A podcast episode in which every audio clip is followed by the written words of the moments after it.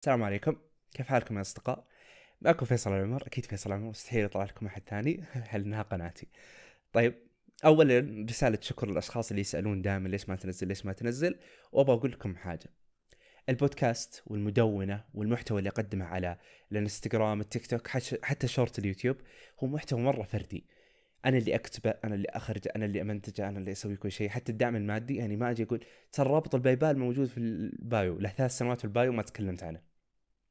ما هو معنى إني آه، آه، أشير لها الحين؟ لا لا أنا عشان في السياق.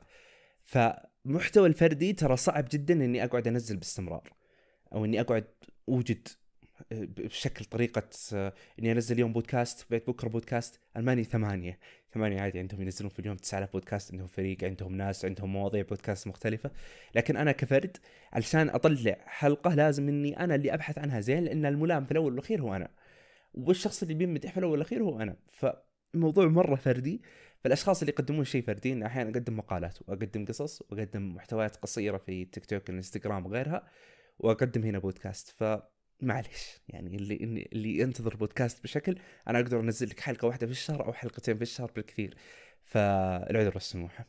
طيب هذه حلقة بتكلم عن موضوع جدا ودي أتكلم عنه من زمان. اعذروني إذا استرسلت فيه كثير بس احسكم تحبون حق البودكاست يسترسلون. استرسلوا ابدا فيصل ركز على الموضوع. طيب. أه الحلقة هذه أبغى أتكلم عن كيف تساعدك الكتابة في إيجاد شخصيتك الثانية. طبعا بتسأل نفسك وتقول يا أخي أنا ماني عندي ثنائي القطب أنا عندي شخصيتين. لحظة عزيزي المشاهد والمستمع ركز معي بعدين اعترض شوي شوي شوي على نفسك. طيب. لازم نعرف إن الإنسان في نهاية المطاف يشبه المزرعة. ما انت بكيفك تبغى تكون مزرعة فراولة مزرعة الليمون اللي بك اللي يعجبك يا أكبر مزارع في الدنيا اللي يعجبك. والناس اللي يمرون منك يحطون بذورهم ويروحوا مدرس معتوه في الابتدائي حط بذرة. مدرس طيب في الثانوي حط بذرة. آه واحد في الشارع كان يفحط حط بذرة. وانت ماشي. نجي في نهاية السنة المحصول فراولة وشوية شوك وعلى بامية على باذنجان على مدري إيش. اللي هي شخصيات الناس. طيب أنت علشان تكون مزارع ناجح لازم إنك بين حين والآخر تقلب في مزرعتك تشوف. والله هنا في ليمون أنا مزرعة فراولة والله ممتازة هات الليمون.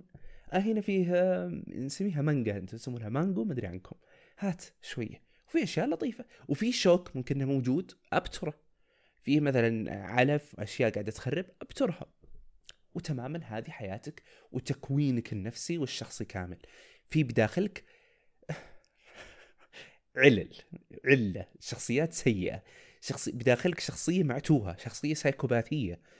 فلازم إنك توجدها وتجتثها من أساسها. طيب كيف ألقاها الشخصيه السايكوباثيه أو كيف ألقى شخصيتي العاطفية؟ عن طريق الكتابة. طيب بتكلم عن تجربة شخصية. أنا 2019 اكتشفت إني أكتب قصص بشكل حلو. أنا على أقل تقدير بالنسبة لي يعني. وقصص اللي أكتبها بشكل حلو تلاقي رواج بين الناس وأحيانا ممكن إنها تكون يوميات بس قاعد أنشرها على أساس إنها آه، قصة الواحده اسمها آه، مدري إيش. ممكنها قصتي الشخصية وممكنها أبغى أنشرها علشان الناس تعطيني حلول لهذا الشخص وهي حلول ذاتية لي. أنا آسف على استغلالكم أعزائي القراء. ف كتبت يوم من الأيام كان صار عندي مشكلة أول مرة تصير. أنا إنسان مسالم بطبعي ما أحب المشاكل. فصار لي مشكلة. وما عرفت ألقى لها حل وصرت صدق صدق أتحلم بها آخر الليل وأنا أمشي أهوجس فيها. طيب وكيف ألقى لها حل؟ كتبت قصة عن شخص مسالم صارت له هذه المشكلة. بتدور في المدونه ما بتلقاها ما نشرتها. الزبدة ان هذا الشخص صارت له مشكلة. لما صارت هذه المشكلة لهذا الشخص مشت تسلسل القصة ومشت مشت مشت. اكتشفت في نهايه المطاف إن هذا الشخص المسالم اكتشف إن الحياة أكبر بكثير من المشكلة مع هذا الشخص وإن في مستقبلا مشاكل أكبر من هذا الشخص اللي بمشكلة بسيطة جدا. وكبرتها لأنك ما عمرك جربت المشاكل فاكتشفت إنها مشكلة يسيره جدا وعديتها. وما كنت بعديها لو سبب هذه القصة. قبل أيام مثلا صارت لي مشكلة كبيرة جدا شخصيا صار لي إحباط كبير ودي إني أتجاوزه أفضفض للناس ألاحظ إني أبالغ في جلد الذات يا فيصل إيش بك؟ قمت كتبت قصة. بتدور لها المدونة ما بتلقاها. فلما كتبت هذه القصة طبعا القصص أحطها عندي في المذكرات الشخصية اللي بنشرها بعد ما أموت. عشان تقول الله يرحمه كان عنده مشاكل شخصية وعقد. كان معقد. معتوه عايش معنا. المهم بعد ما قريتها اكتشفت إن لا والله في حل للمشكلة وحليتها بشكل سلس. وأنا لي خمس أيام أشغلت أمة لا إله الله بالمشكلة هذه. فاكتشفت انه لا والله القصص تأخذ منحنى ثاني. وفيه آه، حاجة بالمناسبة في موضوع القصص. قبل أيام شفت آه، كاتب هجوم العمالقة يقول إن شخصية إيرين أخذت بعد أبعد من اللي هو متوقع وإنها طغت عليه بما معنى الكلام. وناس في التعليقات قاعدين يقولون كيف شخصية تطغى على الكاتب؟ وإن مستحيل الشخصية تخرج عن طور الكاتب. أنا عندي لك خبر سيء عزيزي المشاهد والمستمع. الشخصيات اللي تكتبها في قصصك ما تشبهك أو تشبه شيء أنت قد شفته بس ما تشبه شخصيتك الحقيقية بتمرد عليك ككاتب. تمرد. تمرد صدق وبتطلع وبتطلع من الشخصية وتفرض نفسها وأحيانا ممكن تقتل الشخصيات اللي ما تعجبها في القصة وأنت ودك إنك توقف بس ما تعرف أنت الشخصية هذه إيش قاعدة تسوي. قاعدة تروح لبعد ثاني. تفكر الموضوع مبالغة؟ لا والله يصير أحيانا. يصير أحيانا وأنت تكتب القصة قاعدة تروح في مكان أنت قاعد تمشي مع مع الشخصية وما تدري وين هي تروح. ما تدري إيش السالفة. ليش؟ طيب لحظة لحظة ليش تبغى الضارب طيب ليش؟ موجودة.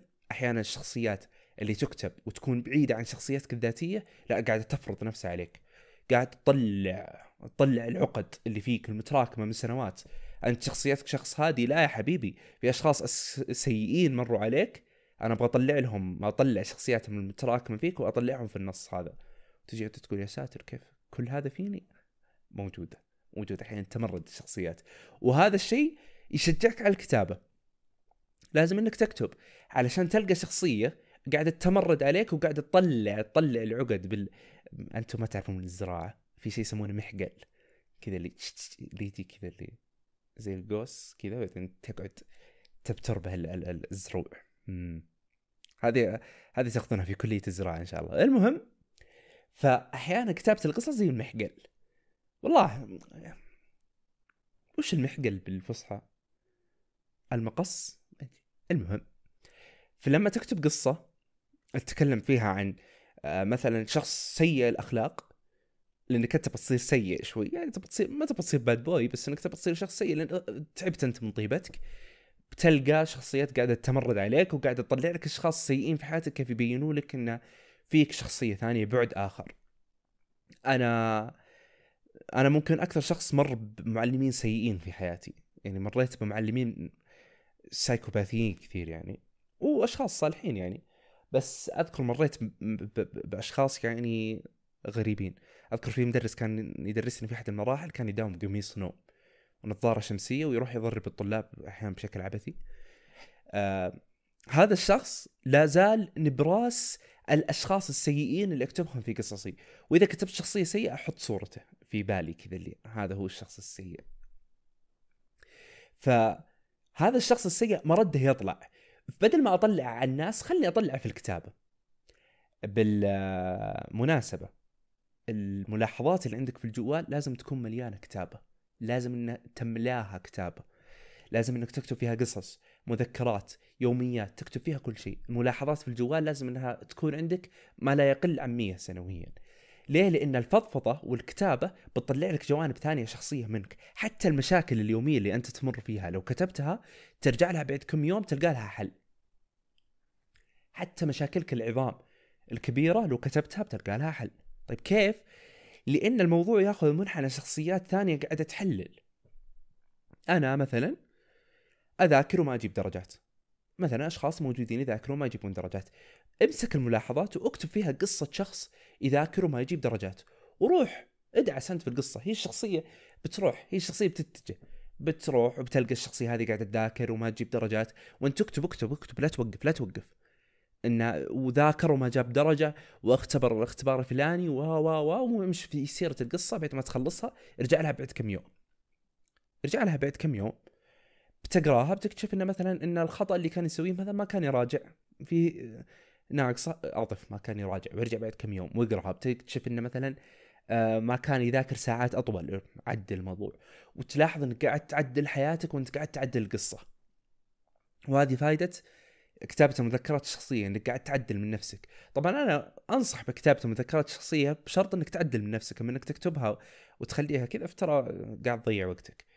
آه أحيانا يستغربون الناس إن مثلا في كاتب طالع شخصية مختلفة له في الرواية أو في النصوص اللي يكتبها. هي ما هي شخصية شاطحة. هو قاعد يكتب عن شخص موجود في الحياة أثر عليه وقاعد يروح معه. خلني أشوف وين يروح. الشخصية الثانية بدل ما تطلع في الواقع خلها تطلع في الكتب. مثلا أغاثا كريستي. الآدمية تشتغل ممرضه بس من أشهر الأشخاص اللي يكتبون عن القصص البوليسية أو القصص اللي يكون فيها قتل بطريقة ما تدري كيف صارت وما تدري كيف في النهاية تحللت هذه القصة. طبعا أغاثا كريستي مرضى على أساس إنها ملاك رحمة. ما تبغى تقتل أحد ما تبغى تؤذي أحد. بينما قصصها قاعدة تؤذي خليقة الله. فأنا أطلع الشخصية الثانية حقتي في النصوص. الشخصية اللي ودي إني أعيشها أطلعها في النصوص. أما شخصيتي الحقيقية تقعد حقيقية. فتطلع شخصيتي الثانية هناك. خلاص أنا شخصية المجرم أحطها هناك. شخصية قتال. القتل أحطها هناك. آه اليوم مريت موقف مشكلة مع واحد من زملائي أروح أكتبها. مثلا وأنا كذا كان ودي إني أسويها أكتبها. عادي. شخصيتك الثانية موجودة في النصوص محفوظة. أحمد خالد توفيق مثلا. آدمي آه الله يرحمه كان آه شخص طبيب آه محاضر في الجامعة. أحمد خالد توفيق يعني ما يحتاج. لما تقرأ قصصه تلقاه قاعد يكتب عن أشخاص مجانين أشخاص متعطشين للدم أشخاص متعطشين للمشاكل. هل هو أحمد خالد توفيق كذا؟ لا. شخصية في الواقع جدا مسالم جدا كيوت بس النصوص تعطيك جانب إنك تكتب الشخصيات اللي تعجبك. شخصيتك الثانية اللي ودك تكون موجودة موجودة هنا في النصوص. نرجع لمثال مثلا نقول نجيب محفوظ.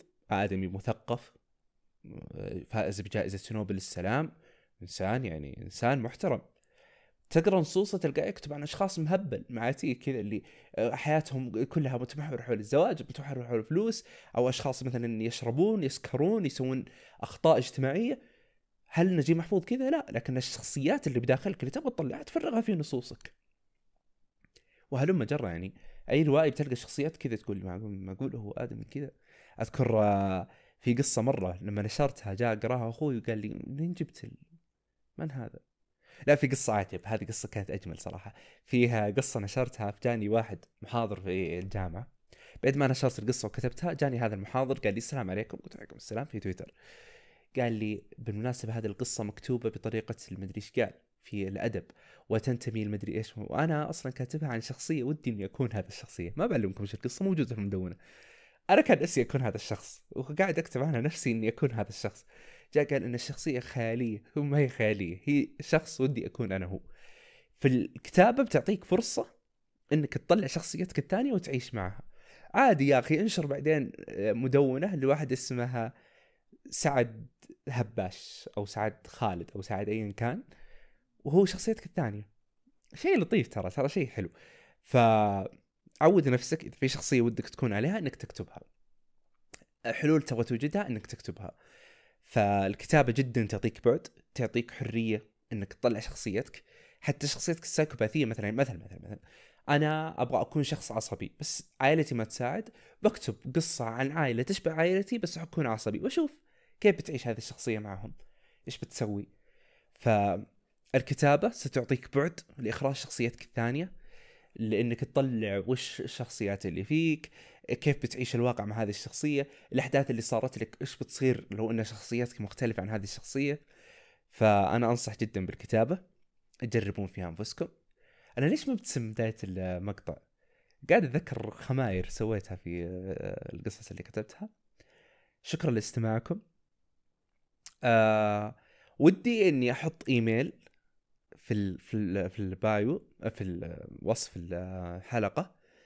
الإيميل هذا أبغاكم ترسلون عليه قصص أبغاكم تكتبونها ونحللها في الحلقة الجاية. ودي نحلل كذا قصص شخصيات كذا. خلونا نقلب الحلقة الجاية قراءة قصص. ما أتوقع يجيني أكثر من عشر قصص لأنه جاني أكثر من عشر قصص بنصدم. فالحلقة الجاية إن شاء الله إذا جانا قصص كثير بصورها قريب. خلونا نشوف قصصكم.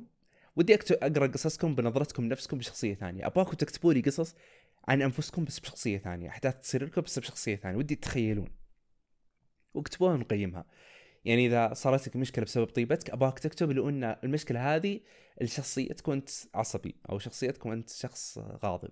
خلونا نجرب ونقرأها مع بعض ونشوف شخصياتكم الثانية كيف تطلع. شكرا لاستماعكم. إلى اللقاء يا أصدقاء.